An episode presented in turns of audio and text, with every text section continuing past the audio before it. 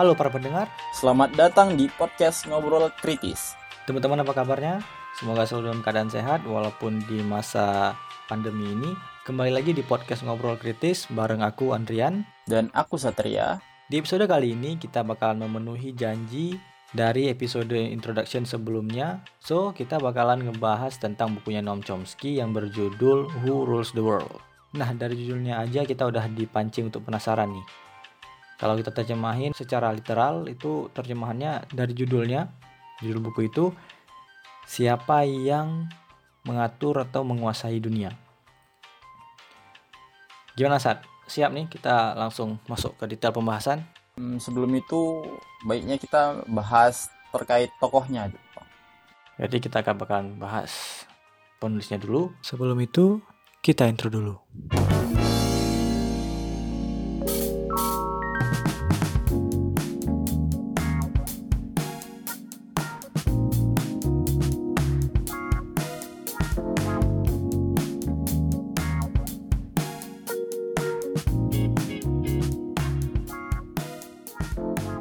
Nama lengkap dari Noam Chomsky sendiri adalah Avram Noam Chomsky.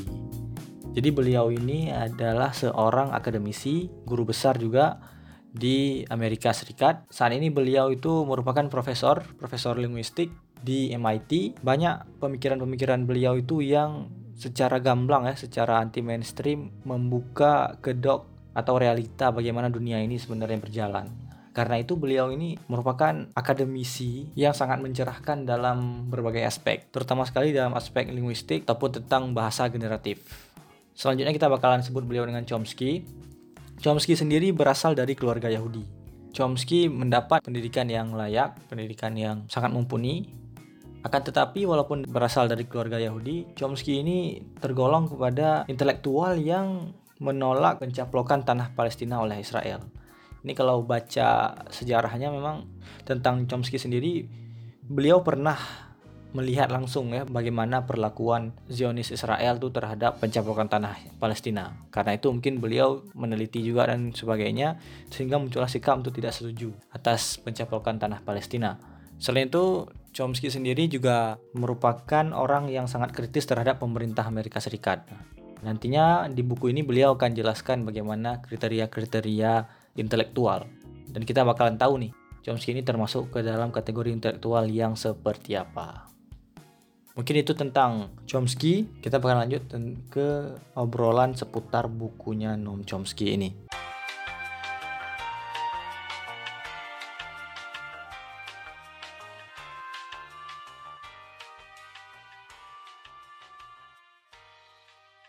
Ngomongin soal bukunya nih, buku karya Noam Chomsky ini tebalnya sekitar 400 halaman yang terdiri dari 23 bab. Bisa dapetin bukunya di Google Playbook. Di situ bisa teman-teman beli dengan harga ya yang cukup murah lah, 35.000. Di buku ini dibahas seputar tentang dunia, bagaimana siapa sebenarnya yang mengatur dunia. Terkhususnya Noam Chomsky banyak menceritakan tentang Amerika Serikat. Buku ini diterjemahkan oleh Bentang Pustaka ke dalam bahasa Indonesia. Itulah sekilas tentang bukunya tadi.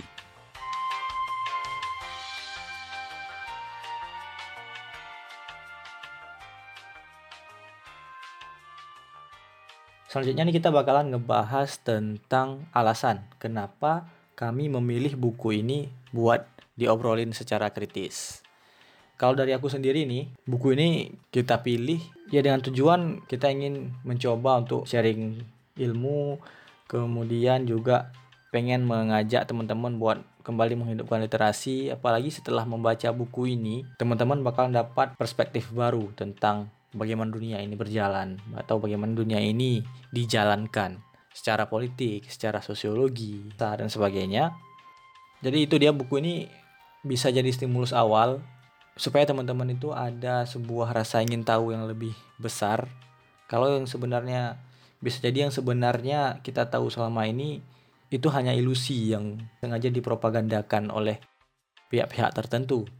Kalau menurutku sendiri sih itu kenapa itu buku ini layak dibahas. Kalau menurut Satria nih, Kalau menurut Satria, kenapa alasan ini, buku ini harus dibahas secara kritis? Yang pertama, ada suatu latar belakang yang menarik ketika memang kita memahami gejala-gejala isu-isu sekarang yang memang terkait banyak lah terkait ya konspirasi berhubungan dengan topik-topik yang dibahas di buku ini misalnya uh, dunia diatur oleh elit global nah buku ini dibahas uh, atas dasar itu juga bagaimana kemudian kita menyikapi hal-hal yang berkeliaran di lapangan.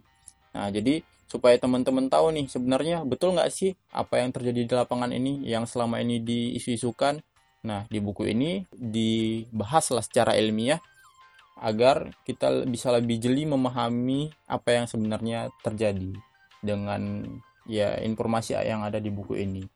Karena memang kalau bicara elit global nggak nggak sah kita ketika kita nggak bahas Amerika. Karena Amerika adalah penentu kalau di dalam buku ini bahasanya itu uh, negara yang menentukan diskursus global. Nah seperti itu.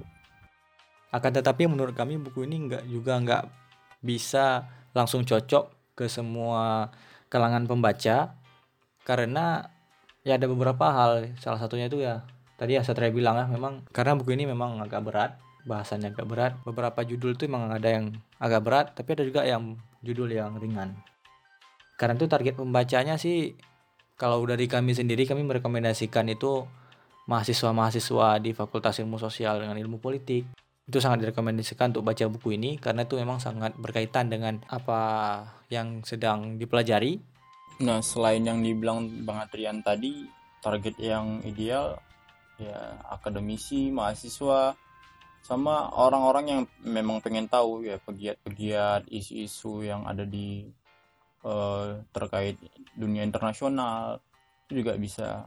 Barangkali ada yang memang suka tentang ilmu-ilmu sosial yang memang daripada sekedar lihat konspirasi yang memang membingungkan mungkin ya buku ini bisa jadi sedikit sandaran lah supaya bisa punya berdasar ketika kita berargumen. Seperti itu sih kalau dari aku sendiri. Ya benar banget. Kita perlu argumen ya. Memang ada dasar lah. Dengan baca buku ini teman-teman bakal punya dasar untuk berargumen. Jadi nggak sekedar bersumber dari YouTube saja untuk langsung membenarkan katakanlah teori konspirasi dan sebagainya. Target pembacanya itu ya kalangan mahasiswa akademisi.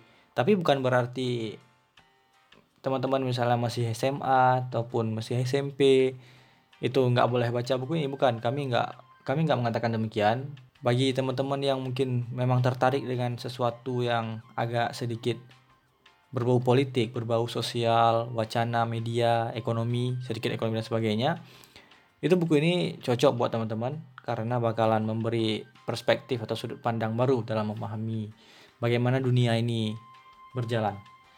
Nah, terus dari Satria sendiri nih setelah membaca buku ini apa nih yang didapat? Ilmu apa atau informasi atau wawasan baru apa yang didapat? Coba kita sharing nih buat para pendengar sekalian. Uh, ada beberapa poin yang bisa dibilang menarik lah untuk kita pahami bersama yaitu ketika ada disebutkan di buku ini uh, ada beberapa peneliti yang memang uh, menemukan bukti yang kuat lah bahwa elit-elit ekonomi dan kelompok terorganisasi yang mewakili kepentingan bisnis memiliki pengaruh bebas yang substansial dalam kebijakan pemerintah Amerika Serikat. Sedangkan masyarakat umum dan kelompok kepentingan berbasis massa memiliki sedikit atau tidak pengaruh atau tidak punya pengaruh sama sekali. Nah, menarik memang ketika ya uh, dibahas di sini tentang elit-elit ekonomi ternyata udah ada penelitiannya nih kan su uh, suatu yang baru memang ketika kita pengen klarifikasi bener nggak sih isu-isu yang beredar gitu itu sih kalau yang menarik buat saya juga dijelaskan Amerika itu yang menentukan diskursus global dan sebagainya. Kalau dari Bang Andrian gimana nih? Apa yang menarik dari buku ini? Jadi kalau dari aku, sebenarnya setelah baca buku ini ada buat semacam rangkuman, rangkuman kecil. Tapi bukan berarti rangkuman ini merangkum seluruhan isi buku sehingga teman-teman yang udah dengar ini oh udah selesai. Jadi aku nggak perlu baca buku lagi nih. Nggak. Ini semacam pancingan sedikit saja. Ya mudah-mudahan bisa menarik minat teman-teman buat baca buku ini aku tuh berpikir kalau Chomsky mengajak kita untuk merenungkan ulang tentang ini topik yang sering dibahas terutama di Indonesia itu tentang demokrasi. Kadang kita ini terlalu membangga-banggakan demokrasi tanpa tahu esensinya itu sebenarnya apa demokrasi yang seperti apa yang kita inginkan. Sehingga terkadang banyak orang tuh semacam auto menjadi buzzer. Nah, jadi demokrasi harga mati dan sebagainya tapi apa yang diperjuangkan itu mereka belum paham. Nah, jadi Chomsky itu apa ya menyindir ya ada sarkasmenya itu orang-orang yang kadang terlalu mengkultuskan demokrasi tanpa paham apa sebenarnya demokrasi yang seperti apa yang benar-benar demokrasi. Dari buku ini juga banyak kode-kode dan sarkasme sosial, terutama itu tentang gimana dunia ini sebenarnya bekerja. Bahkan Chomsky juga ngebahas tentang kategori intelektual. Istilah istilah intelektual sendiri dalam buku itu dipertanyakan, dipertanyakan lagi yang seperti gimana gitu loh maksudnya intelektual itu apa? Pernah nggak kita kadang menanyakan pada diri kita sendiri yang apakah kita ini seorang mahasiswa dan sebagainya, intelektual itu apa sebenarnya? Jadi di buku ini Chomsky itu ngebagi dua. Jadi kalau dari yang dari yang aku pahami nih, kalau menurut Chomsky intelektual itu ada dua, dua kategori lebih tepatnya. Kategori pertama itu intelektual harus mainstream lah, bisa dibilang seperti itu. Maksudnya apa? Maksudnya intelektual arus mainstream ini intelektual yang dia itu mengikuti alurnya wacananya pemerintah.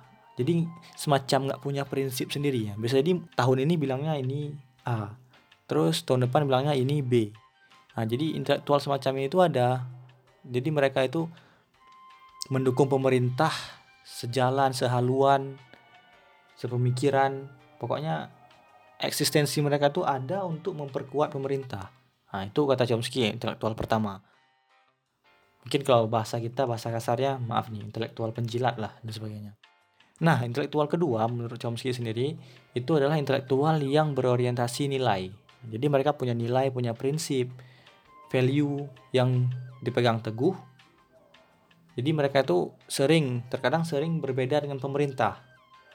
Walaupun berbeda, mereka nggak goyang, nggak nggak ragu dan sebagainya tetap memegang prinsip-prinsip yang mereka yakini benar berdasarkan penelitian dan sebagainya. Kemudian di buku ini juga banyak emang lebih apa ya lebih dominan memang kebanyakan dibahas tentang Amerika dan dampak yang kebijakan mereka itu terhadap dunia. Misal ada dibahas juga di buku ini fakta bahwa pemerintah Amerika itu pernah ada datanya ini pernah turun tangan untuk merusak pemerintah pemerintah dari negara lain yang dipimpin oleh pemimpin yang bukan utusan dari Amerika sendiri. Jadi nggak setuju lah mereka dengan pemimpin itu, nggak nggak kerja sama dengan Amerika. Jadi mereka ada upaya untuk menggulingkan pemerintah itu. Itu ada di buku di buku ini. Kemudian ada juga di judul kecilnya, salah satu judul kecilnya itu judulnya membunuh tanpa niat. Nah, di sini menarik nih. Kenapa? Karena karena Chomsky membahas bagaimana sudut pandang Amerika melihat negara-negara miskin.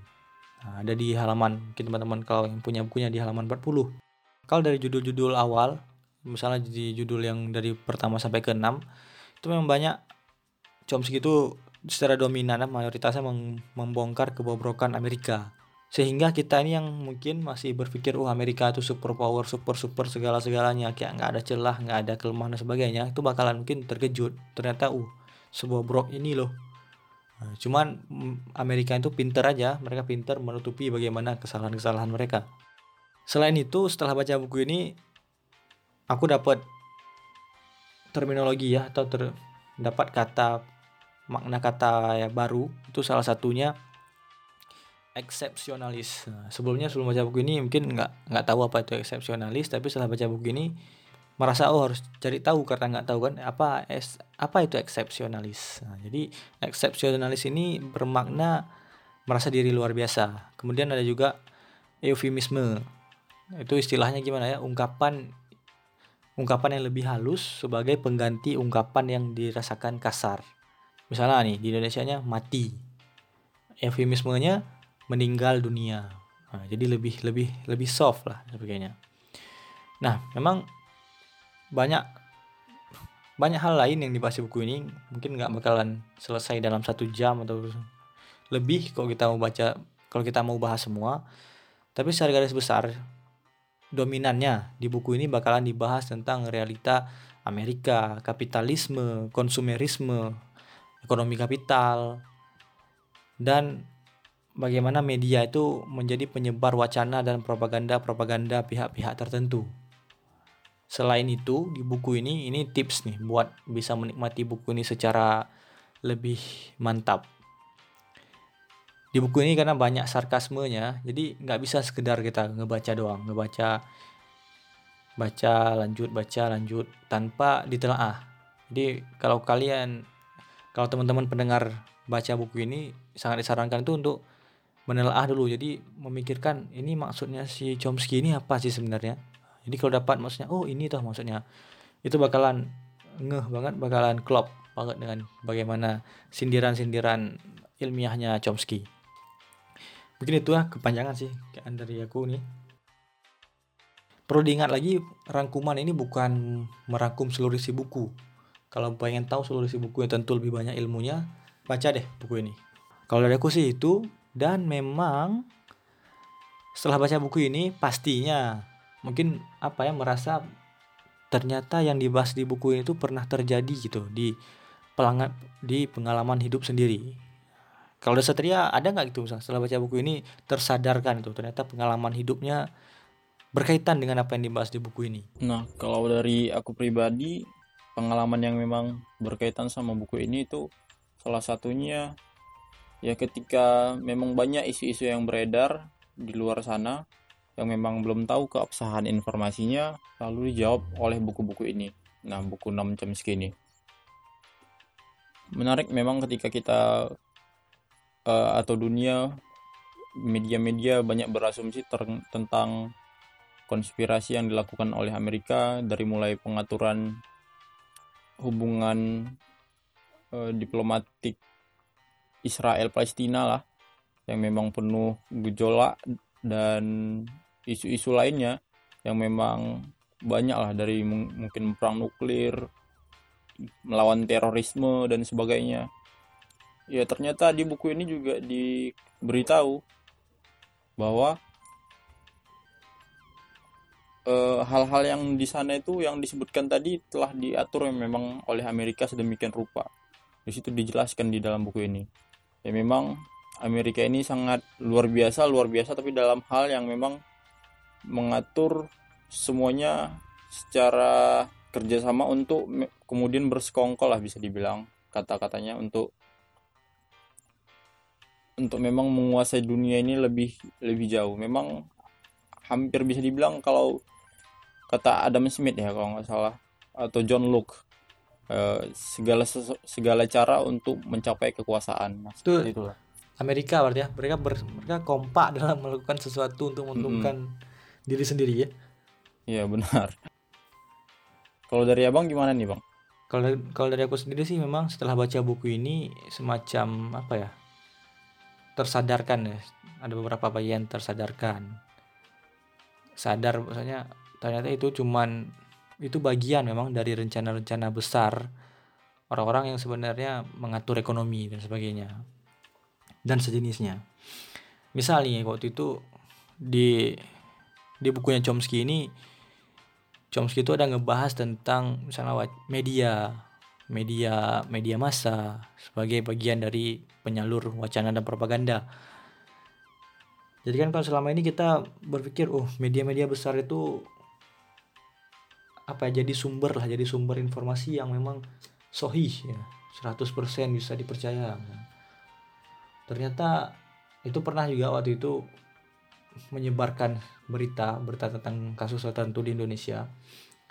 Kirain karena dia udah media besar media terkenal berpikir oh ini pasti benar itu nggak nggak ada kepentingan tertentu dan sebagainya. Share lah share share share share. Ternyata setelah beberapa hari kemudian terbongkar lah. Ternyata media, itu juga merupakan penyalur dari kepentingan pihak-pihak tertentu. Dan sempat heran eh kok gini misalnya kok mengecewakan seperti ini? Ternyata Chomsky juga ngebahas itu bahwasanya jadi jangan heran misalnya kenapa media itu bisa besar dan sebagainya dananya banyak itu ada ada beberapa pihak yang menyokong jadi media-media besar itu bukan berarti mereka bebas dari kepentingan. Justru media-media besar itu bisa menjadi corong dari kepentingan. Kepentingan pihak-pihak tertentu yang punya andil di dalam media itu sendiri. Pemiliknya kah dan sebagainya Jadi Chomsky itu mengingatkan kita jangan langsung percaya cross check dulu. Kalau istilah dalam Islamnya tabayun dulu. Jadi jangan langsung percaya serta merta apa yang anda lihat di internet di TV dan sebagainya. Jadi itu jadi pelajaran berharga bagi bagi aku sendiri nih setelah baca buku ini. Tentu ada hal lain bisa jadi lebih banyak lagi tergantung siapa pembacanya. Jadi itu pengalaman ya pengalaman aku dan Satria setelah baca buku ini tentu kami yakin teman-teman yang membaca buku ini juga bakalan punya pengalaman yang berbeda, perasaan yang berbeda setelah baca buku ini. Nah, secara garis besarnya dari kami sendiri sangat rekomendasikan ya saat buku ini buat dibaca teman-teman sekalian. Iya benar banget nih, sangat merekomendasikan buku ini untuk dibaca. Dan kami rasa ini udah cukup sekian dulu, mungkin nggak lebih dalam spoiler tentang buku ini. Kami cukupkan sampai di sini ngobrol kritis episode pertama tentang bukunya Noam Chomsky Who tentang bukunya Noam Chomsky Who Rules the World. Sekian untuk episode kali ini. Terima kasih buat teman-teman yang sudah mendengarkan. Aku Andrian undur diri dan aku Satria undur diri. Sampai jumpa di episode berikutnya. Jaga kesehatan kalian. Have a nice day.